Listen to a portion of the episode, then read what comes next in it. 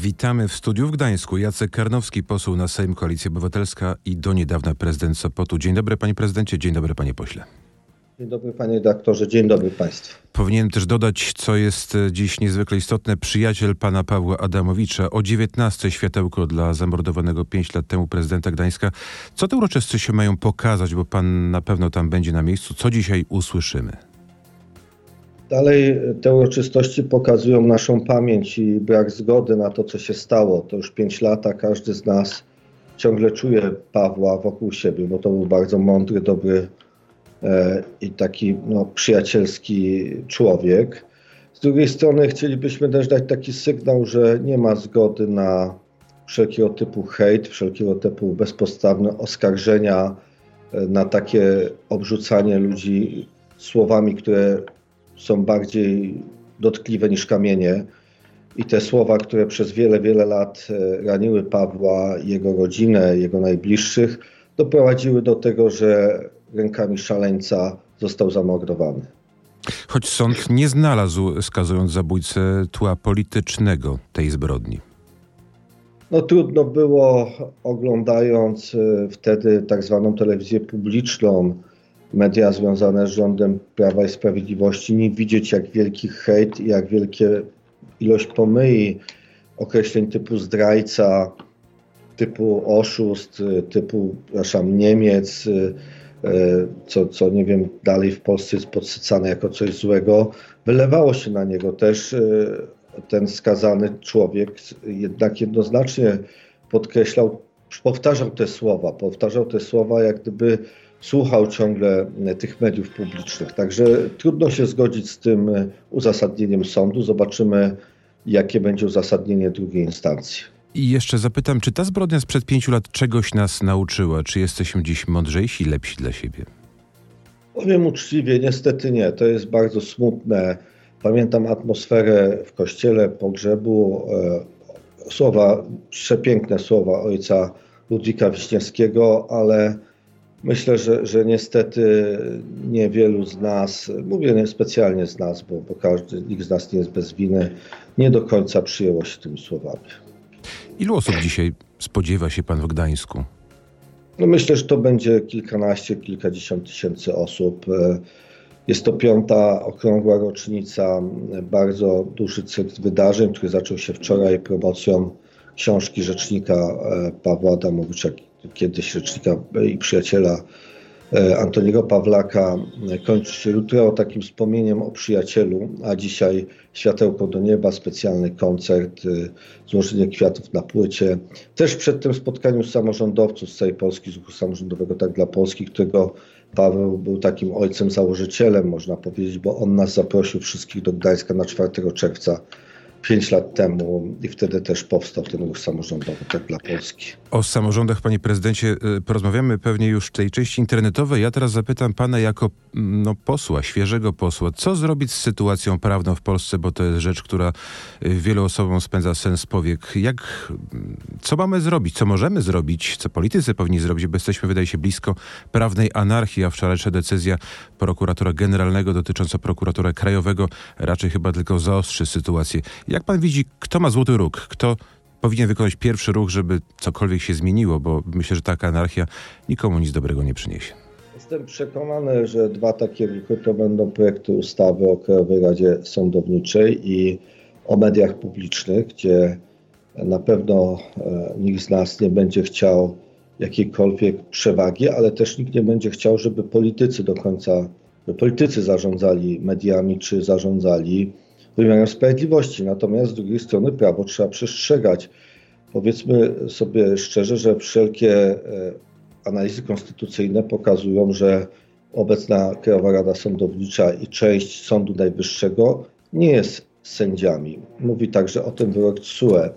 Także trzeba z jednej strony przestrzegać prawa i konstytucji, która jest, a z drugiej strony proponować rozwiązania, które skończą ten dualizm prawny, który tak ładnie nazwał pan e, prezydent, bo pan prezydent tą sytuację sam nazwał w swoim wystąpieniu dualizmem prawnym, tylko zapominając o tym, że sam do tego dualizmu prawnego się przyczynił. No to co zrobić teraz, bo kręcimy się w kółko. Y, mm, jedni uważają, że jeden sąd jest legalny, drudzy, że nielegalny. Tych decyzji jest bardzo dużo. Czy ta decyzja o wizycie pana premiera w Pałacu Prezydenckim w poniedziałek może coś zmienić w tej sprawie? Może panowie zaczną jakiś ze sobą dialog, który być może zaowocuje okrągłym stołem prawnym, a może trzeba zmienić troszkę konstytucję. Y, poseł Bosak coś takiego proponował kilka dni temu w RMF-ie. Na pewno trzeba uzdrowić e, niezależność sądowniczą, czyli sytuację z Krajową Radą Sądowniczą i jestem przekonany, że niedługo pan minister Bodnar z panem premierem Donaldem Tuskiem taką sytuację zaproponują. E, I też zaproponują, żeby to wspólnie zrobić z panem prezydentem, z drugą stroną. Tylko ta druga strona musi chcieć rozmawiać, a nie okłamywać wszystkich, że ma większość parlamentarną i może stworzyć rząd i przesuwać o dwa tygodnie jakby objęcie władzy przez tych, którzy legalnie wygrali wybory. Z drugiej strony no, nie może też bronić e, przestępców, którzy zostali skazani prawomocnym wyrokiem i którzy robili krzywdę bardzo wielu osobom. E, czy też pan prezydent ich nie może przechowywać w swoim pałacu, czy wpuszczać ich w ogóle w takiej sytuacji. Także z jednej strony musi być twarde przestrzeganie prawa, bo od tego nie możemy odstąpić, ale z drugiej strony propozycja wyjścia do przodu, żeby zlikwidować Oczywiście ja jestem tutaj bardzo bliski temu, co mówi Justicja, Stowarzyszenie Sędziów, żeby jednak, jeżeli ludzie się nie będą odwoływać, to sąd, te wyroki sądów uznać dotychczasowe z ostatnich 8 lat, ale jednak od nowa przeprowadzić konkursy na wszystkich sędziów, które, które były przeprowadzone przez tą nielegalną Krajową Radę Sądowniczą. Co premier Donald Tusk może zaproponować w poniedziałek prezydentowi w tej kwestii? Jestem przekonany, że może zaproponować e, nowe rozwiązania prawne, ustawowe, które będą pracowane z ministrem sprawiedliwości, panem Bodnarem, Adamem, e, które po prostu poz pozwolą jak gdyby w pewnym sensie zresetować tą sytuację i dokonać to, żeby po prostu sędziowie wybierali sędziów, e, a tam, gdzie do Krajowej Rady Sądowniczej wybiera parlament, czy Senat, czy Sejm, to, to są wybory Sejmu czy Senatu, ale nie może być zgody na tą Krajową Radę Sądowniczą wybraną z pogwałceniem prawa, e, bo to e, doprowadzi do dalszej anarchii i, i, i, i, tej sytuacji nie możemy, tutaj jest takie non possumus którego przekroczyć nie możemy.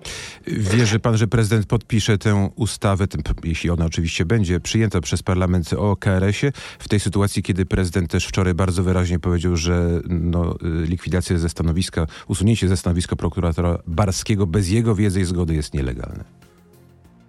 Pan, no, pan prezydent też musi się pogodzić z tym, że wybory wygrała inna opcja niż y, ta, która jest, którą on niestety reprezentuje, musi wznieść się ponad to swój taki partykularny interes Prawa i Sprawiedliwości i zacząć być prezydentem wszystkich Polaków. Jednak takie zabetonowanie sceny politycznej doprowadziło do pewnego dualizmu i takiego niemożności podejmowania decyzji, a na to nie będzie zgody większości parlamentarnej. Jestem przekonany, że pan prezydent, tak jak w wypadku ułaskawienia e, no jednak e, cofnął się, bo dokonał powtórnego ułaskawienia, uznając w pewnym sensie to pierwsze jest nielegalne, bo przecież dwa razy łaskawiec za to samo to dziwne. Tak tutaj będzie musiał także no, pójść na pewien kompromis. Myślę, że z drugiej strony ten kompromis ze strony pana premiera Donalda Tuska i pana ministra Adama Bodnara będzie, ale to nie może być kompromis, który będzie legalizował jakieś bezprawie. Jacek Karnowski, poseł Koalicji Obywatelskiej i do niedawna prezydent Sopotu jest naszym gościem. Zostajemy z naszymi słuchaczami, ale już w internecie i zapraszamy. Dziękujemy. Dobrego dnia. Panie pośle, zapytam, co może wydarzyć się w ciągu najbliższych dni? Co będzie, jeśli panowie Wąsik i Kamiński wyjdą z więzienia, bo wszystko na to wskazuje, choć nie wiemy kiedy, i będą chcieli wejść na salę posiedzeń? Czy uznacie ich, że są posłami? Pozwolicie im brać udział w tym posiedzeniu, czy nie? No, mandat y, pana y, Mariusza Kamińskiego na 100% wygasł. E, oczywiście także wygasł ma, mandat pana Macieja Wąsika, ale on jeszcze może się odwołać. Natomiast tutaj nie ma wątpliwości, że w tej chwili nie są posłami i obojętnie kto by jaką falandyzację prawa tutaj stosował, te osoby nie są posłami i na salę sejmową wejść nie mogą. Były premier Mateusz Morawiecki uważa inaczej. Część prawników również ma tutaj inne zdanie. Panie redaktorze, no jednak bezsprzecznie w polskim prawie karnym osoba prawomocnie skazana traci mandat poselski. I tutaj obojętnie jakie czary mary by pan premier Morawiecki wykonywał, to tutaj nie można tej sytuacji ignorować i nie można przeciwko niej cokolwiek zrobić. Będziemy świadkami takich scen, że będzie przepychanka, że część, e, nie wiem, posłów na przykład z pana koalicji będzie chciało nie dopuścić obu panów na, na izbę posiedzenia, część będzie przepychała się i chciała, żeby usiedli w ławach. Wyobraża pan sobie coś takiego? Ja nie wyobrażam sobie takiej sytuacji, wyobrażam sobie jednak skuteczne działanie Straży Marszałkowskiej, bo ona jest od tego i nie może obywatel, który nie jest posłem, pchać się na salę sejmową. Takie sytuacje już bywały i zostały te osoby wyprowadzane. Myślę, że tutaj e, jednak Prawo i Sprawiedliwość będzie oczywiście chciało dokonać pewnej anarchii, bo przyjął taki kurs, e, no, taki brak dżentelmeński agreement, że ktoś, kto przegrywa wybory, godzi się z tym. Prawo i Sprawiedliwość niszczy kraj, bo nie może się pogodzić z przegraną wyborami. E, i ma pretensje, nie wiem, no, dostali tyle komisji, tyle przewodniczących komisji, na to się, no, widać, że tutaj im to nie przeszkadza, żeby te komisje prowadzić. Sejmowe, powiem to na, na co dzień, one się odbywają, te prace. W momencie, kiedy dochodzi do sali sejmowej, to jest cyrk i próba obstrukcji. No, zwolennicy Prawa i Sprawiedliwości uważają inaczej, że mamy z waszej strony łamanie konstytucji, mamy pogardę dla prawa, mamy e, bardzo widowiskowe zatrzymania właśnie panów Wojsika i Kamińskiego, no i mamy wojnę o media publiczne, wojnę, której być może można było uniknąć, gdyby trochę poczekać. Prezydent był gotowy do rozmów. Wie pan, no, pan prezydent mógł być gotowy do rozmów, gdyby te media były, gdyby nie jątrzyły, gdyby nie, nie miały takiego jadu, który wylewały codziennie i nieprawidłowości i oskarżania wszystkich o wszystko. No powiedzmy sobie szczerze, że e, zupełnie trudno się spodziewać, że ktoś się będzie godził na to, żeby za pieniądze publiczne nas wszystkich Polaków ktoś sobie uprawiał partyjną propagandę.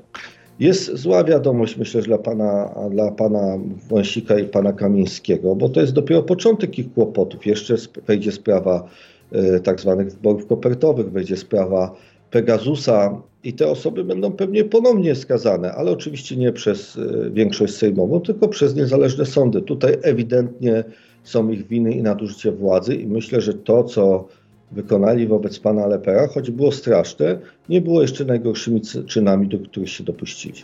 No to znów zwolennicy dawnej koalicji rządowej powiedzą o was, że to jest zemsta polityczna. No ale to niech wytłumaczą, dlaczego podsłuchiwano Pegasusem pana Brejze, E, eurodeputowanego już teraz, czy dlaczego mnie podsłuchiwano e, Pegasusem, czy dlaczego panią e, prokurator Wrzosek podsłuchiwano Pegasusem, albo niech ujawnią całą listę i powiedzą, z jakich to wielkich przestępstw podsłuchiwano Brejzę, Karnowskiego czy Wrzosek, jakimi to byli strasznymi terrorystami, jakie zamachy przygotowywali, że trzeba było użyć wobec, niego, wobec nich tego oprogramowania szpiegowskiego.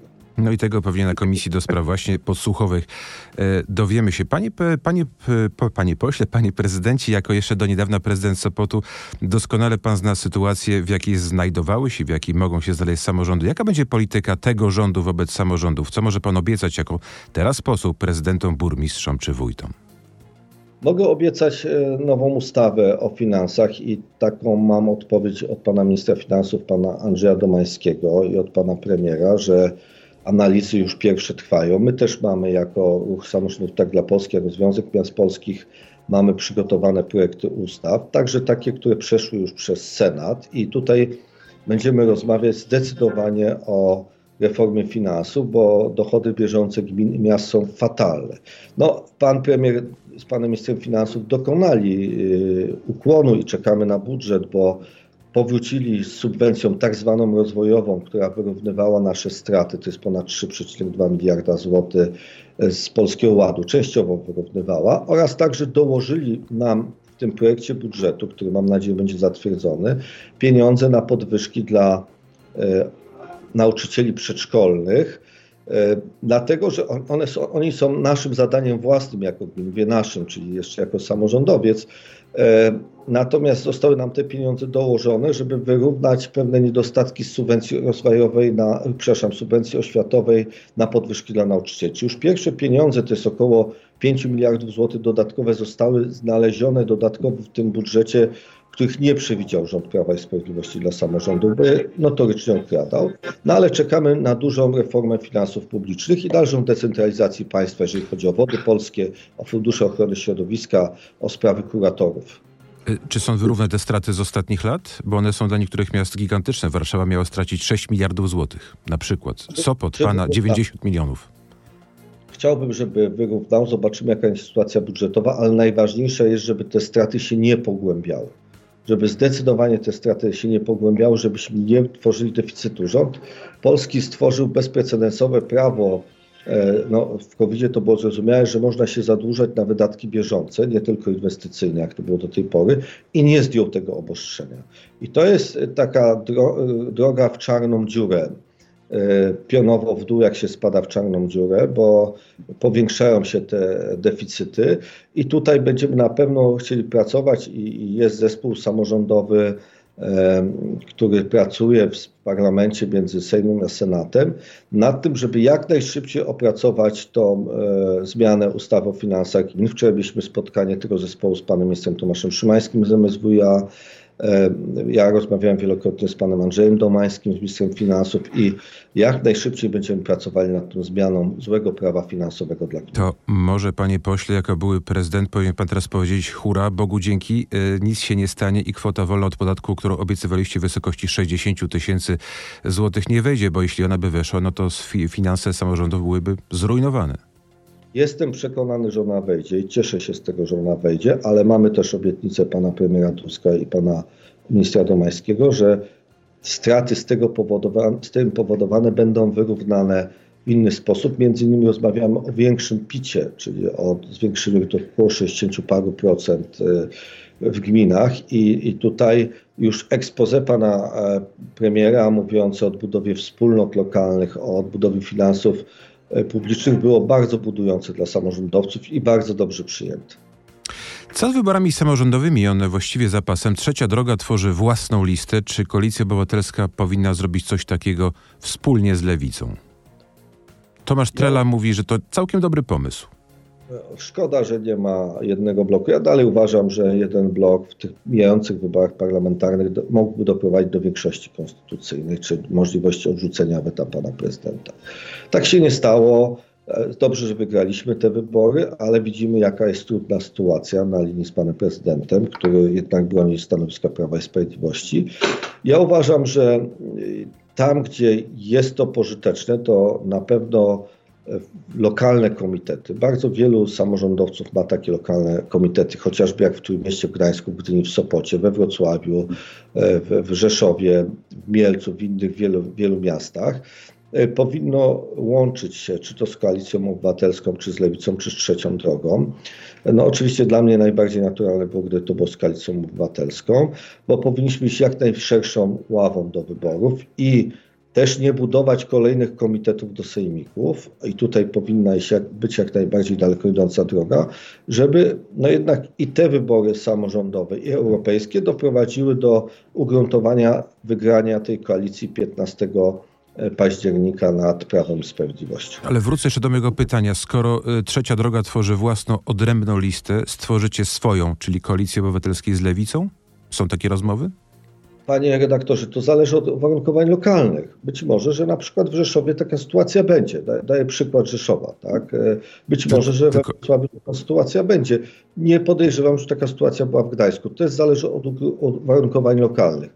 Czy będzie w skali kraju w sejmikach?